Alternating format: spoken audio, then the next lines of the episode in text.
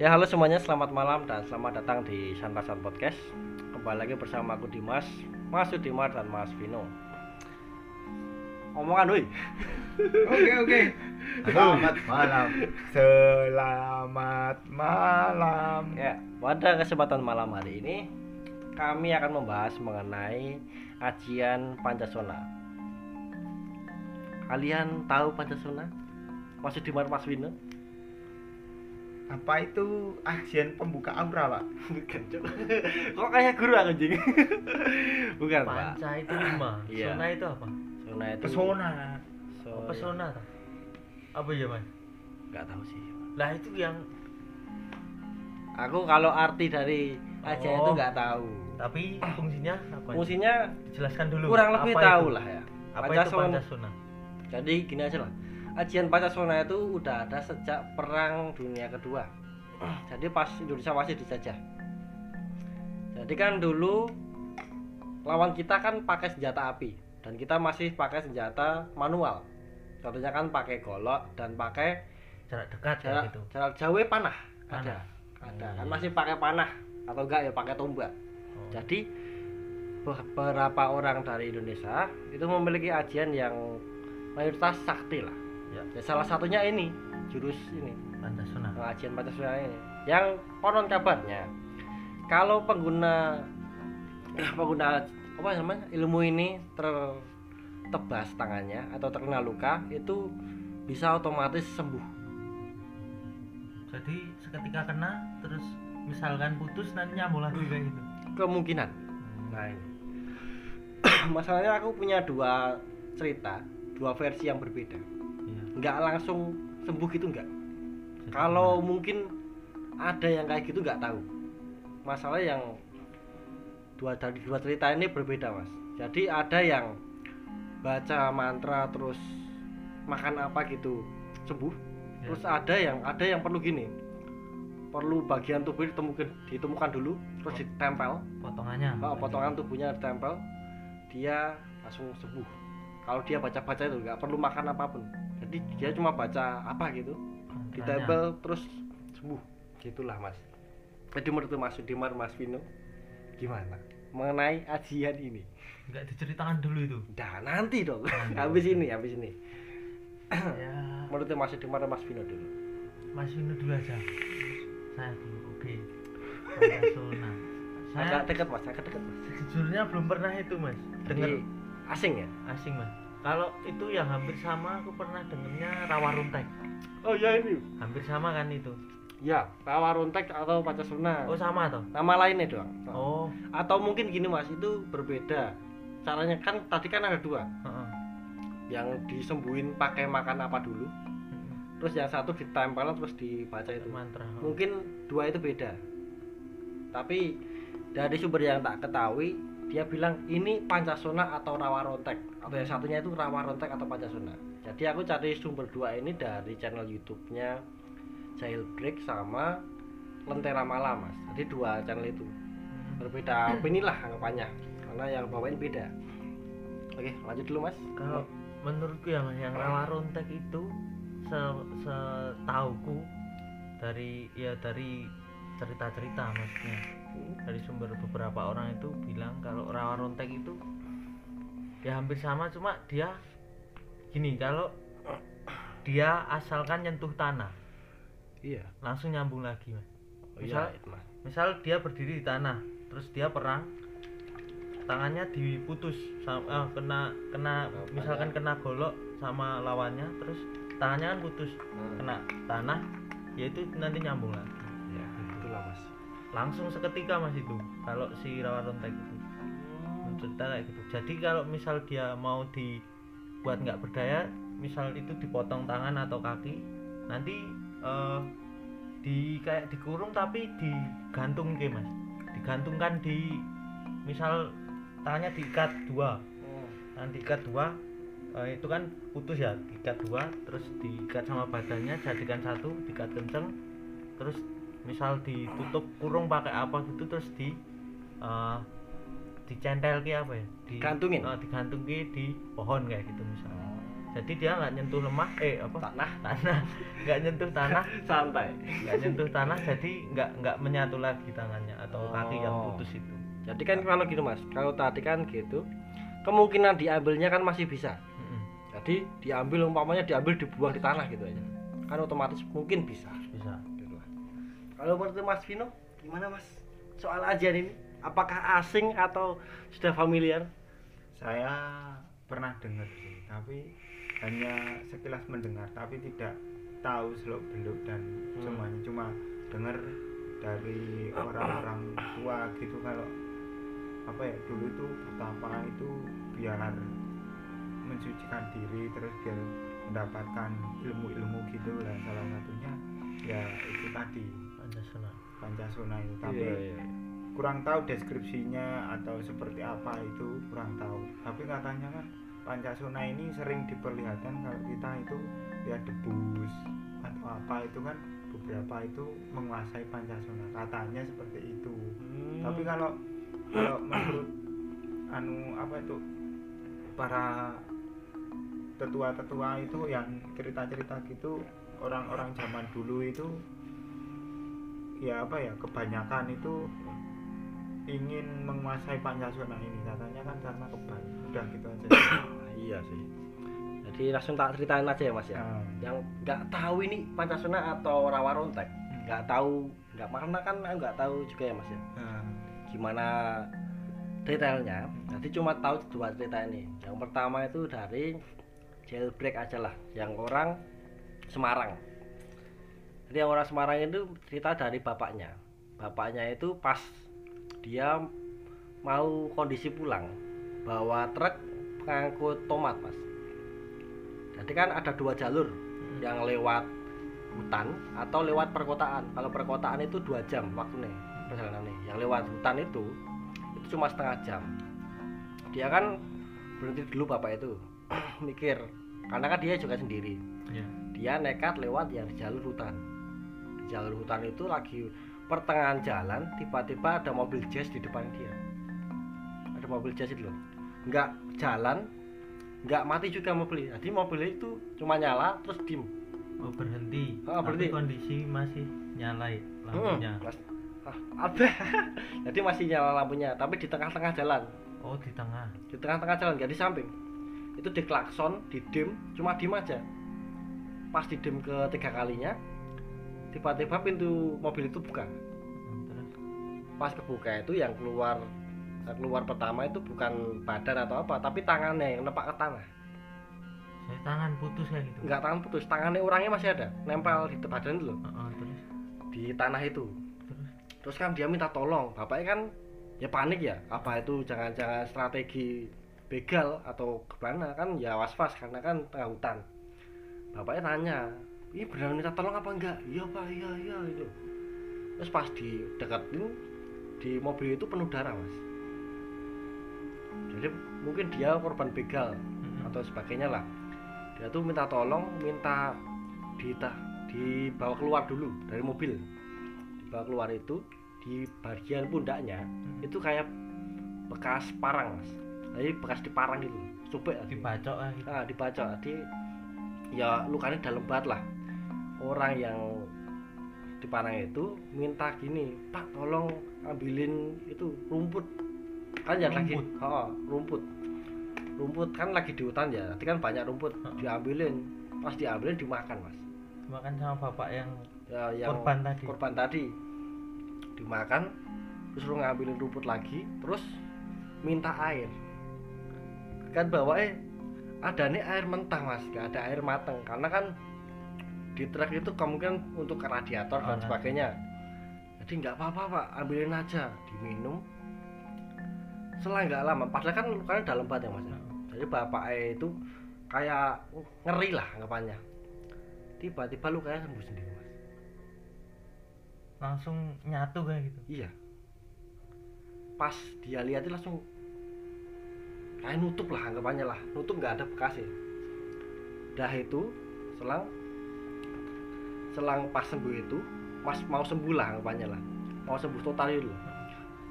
Bapak yang korban tadi minta tolong sama bapak supir truk. pak tolong ambilin HP di dashboard mobil. Minta ambilin itu. Terus pas bapaknya balik itu udah nutup semua. Udah sembuh ya? Udah sembuh. Jadi bekas bacaan bekas luka di mana mana udah nggak ada mas. Dia nelpon temennya terus bapaknya itu pulang selang beberapa bulan. Selang beberapa bulan yang korban tadi itu tiba-tiba di depan rumah bapaknya itu supir tadi. Bapaknya itu mau ucapin itulah terima kasih. Terus kayak terima kasih banget lah apa nih karena sampai nganggep bapaknya itu bapaknya sendiri. Sudah dianggap bapak sendiri dan sebagainya. Pas ditanya-tanya katanya dulu tuh kenapa kok di sini bisa kayak gitu? Itu katanya dibegal uangnya hilang 75 jutaan. Itu. Terus ya nggak ada konfirmasi lebih lanjutnya. Apakah seumpamanya kan anaknya yang bapak truk supir truk ini kan punya YouTube ya? Apakah ada konfirmasi yang korban tadi itu diwawancara apa enggak? Enggak ada. Enggak ada video nih jadi ya tahu cuma segitu. Jadi yang pertama kan tadi minta makan sama minta butuh minta makan rumput sama air. Sama air. Itu tadi. Yang pertama. Yang kedua itu gini mas. Yang kedua ini anggapannya namanya itu anggapannya gini lah. Anggapannya namanya ntar mas tak tahu nama yang kemungkinan nggak aneh lah. Anggap aja namanya itu Wawan sama Rizky. Itulah ya anggapannya Wawan sama Rizky. Jadi Wawan ini di Jawa Timur lebih tepatnya dia. Dulu SMP pas kecil dia punya nama bukannya nama dia punya teman itu namanya Rizky. Nah Rizky ini pa- pawaannya itu tinggi hitam. Dia ke- dia itu sering jadi penjaga pas ada event-event gitu loh.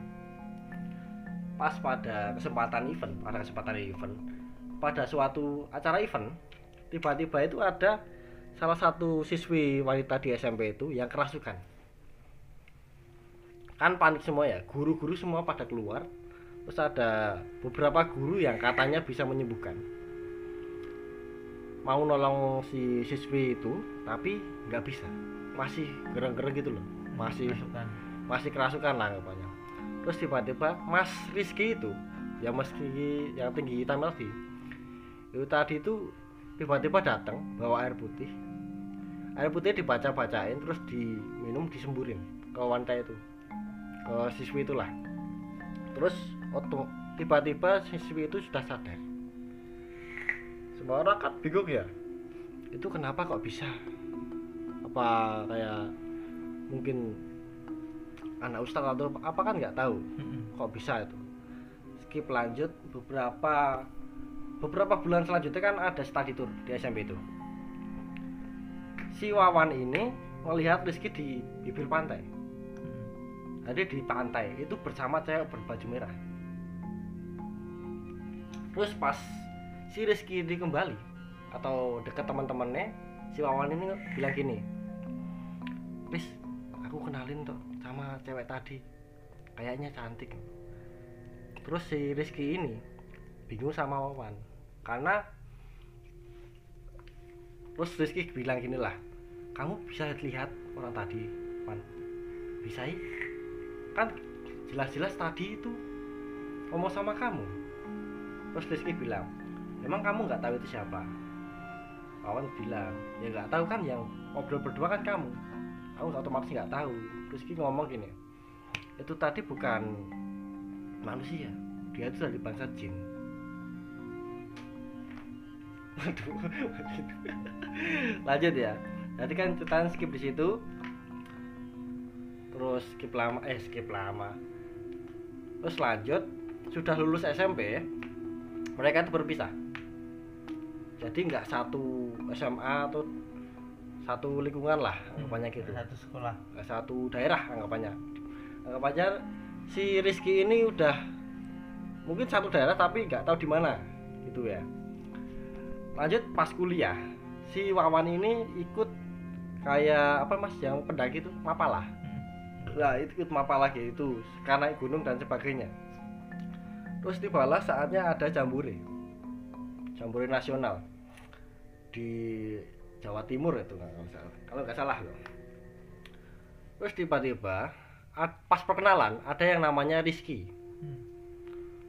tapi wajahnya itu berbeda pas terakhir kali ketemu sama Wawan jadi itu rambutnya gondrong kan dulu kan rambutnya Biasa. mepet lah anggap aja kayak TNI lah angkatan lah anak sekolah ya Ah, nanti rambutnya pendek-pendek tuh. Pas ketemu itu bukan ketemu sih, tapi ngelihat itu apa mungkin ini temanku pas SMP dulu. Yang itulah tadi. Terus sambung perkenalan, kan ngobrol-ngobrol santai. Si Wawan ini si Wawan ini ngedeketin si itu tadi. Ngobrol-ngobrol, terus akhirnya mereka saling tahu, oh ini kamu toh. Yang pas SMP dulu yang sekolah di sini. Iya ini ini. Terus kan temu kangen Lampung Racipokan ya. Waduh anjir. Untuknya Bui terus tiba saatnya mereka ada acara itu panjat tebing panjat tebingnya tapi nggak di tebing cor-coran gitu ya. Hmm. ya tebing gunung lah anggapannya. Jadi Rizky sama Wawan ini satu kelompok. Ada lima orang lah anggapannya di satu kelompok itu. Pas naik pas naik sampai ke atas tebing si Rizky ini tiba-tiba kan lagi itu lagi pengen buang air kecil di samping di pinggiran tebing lah. Terus dia tiba-tiba minta tolong ternyata si Rizky itu jatuh. Kepleset gitu loh kepleset ke bawah tebing. Pas dicek terus kan mereka semua kan panik mereka berlima itu. Turun ke bawah cari Rizky itu. Terus pas ketemu mereka itu kaget. Ternyata tangannya Rizky itu putus. Tangannya putus dan darahnya ke mana-mana. Terus Rizky itu kan teman-temannya mau panik ya mau minta tolong dan sebagainya. Si Rizky bilang gini dah nggak usah nggak apa-apa. Nggak usah panik. Tangannya bawa sini saja. Pas dibawa tangannya itu ditempelin di tangan yang putus tadi. Jadi kayak posisi semula lah. Disatukan. Nah disatukan seperti semula. Habis itu si Rizky ini baca-baca. Nggak tahu baca apa. Cuma baca-baca terus tangannya disambungin itu otom langsung balik seperti semula mas. Nih tanggapan nih. Oke lanjut ya. Ah, pas makan siang si Wawan dan empat dan tiga temennya itu kayak wajahnya pucat gak enak gitu loh. kan pas mas makan siang ya ditanyain sama ketua regu umpamanya ketua panitia lah. Kok kalian nggak makan kenapa? Nggak apa-apa kak. Lagi nggak nafsu makan. Ya kan otomatis gini loh lihat tangan putus terus lihat tangan disambungin lagi. Bantu omongan deh kan bantu itulah. Eh bantu itulah. Kan diputus pasti otomatis kayak nggak bisa balik. Nggak bisa balik. Kira fokus ya? Fokus pak. Jadi kayak otomatis nafsu makannya hilang. Karena kan ngelihat tangannya putus Ah, kayak enek lah. Terus itu. Gurih sih psikopat mas Wilena mas. Astaga cek ini horor loh cek aku yang guyon Oke, lanjut skip ya. Selang beberapa tahun, si Wawan ini ada acara. Dia itu bekerja sebagai kalau nggak salah apa namanya mas? Moderator atau apa itu? Wartawan wartawan wartawan. Wartawan. Reporter.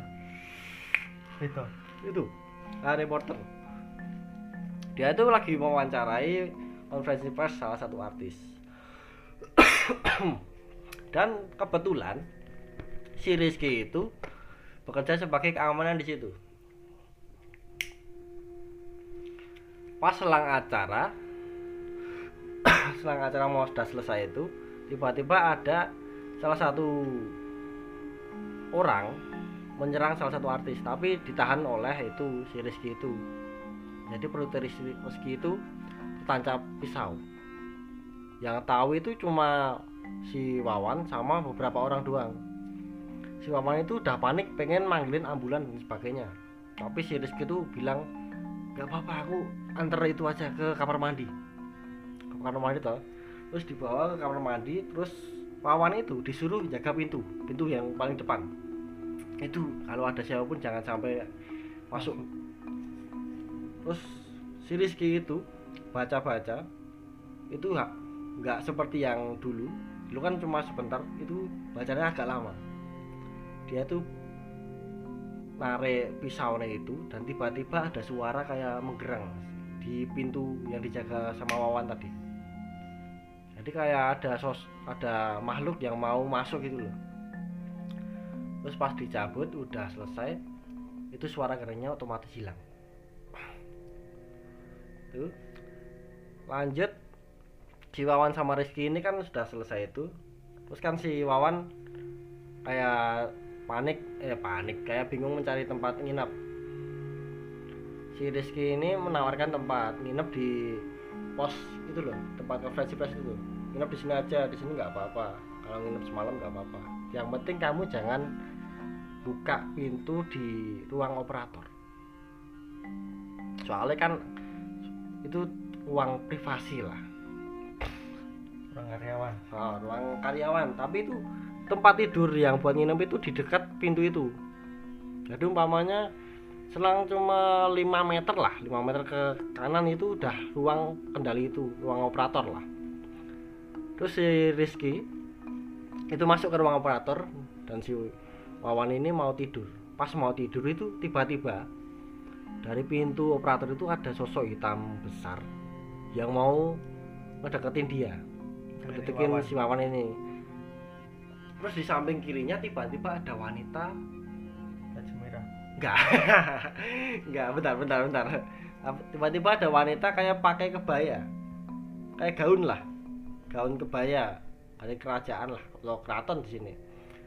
Terus sosok itu menghempaskan selendang warna ungu ke arah sosok hitam itu. Dan sosok hitam itu hilang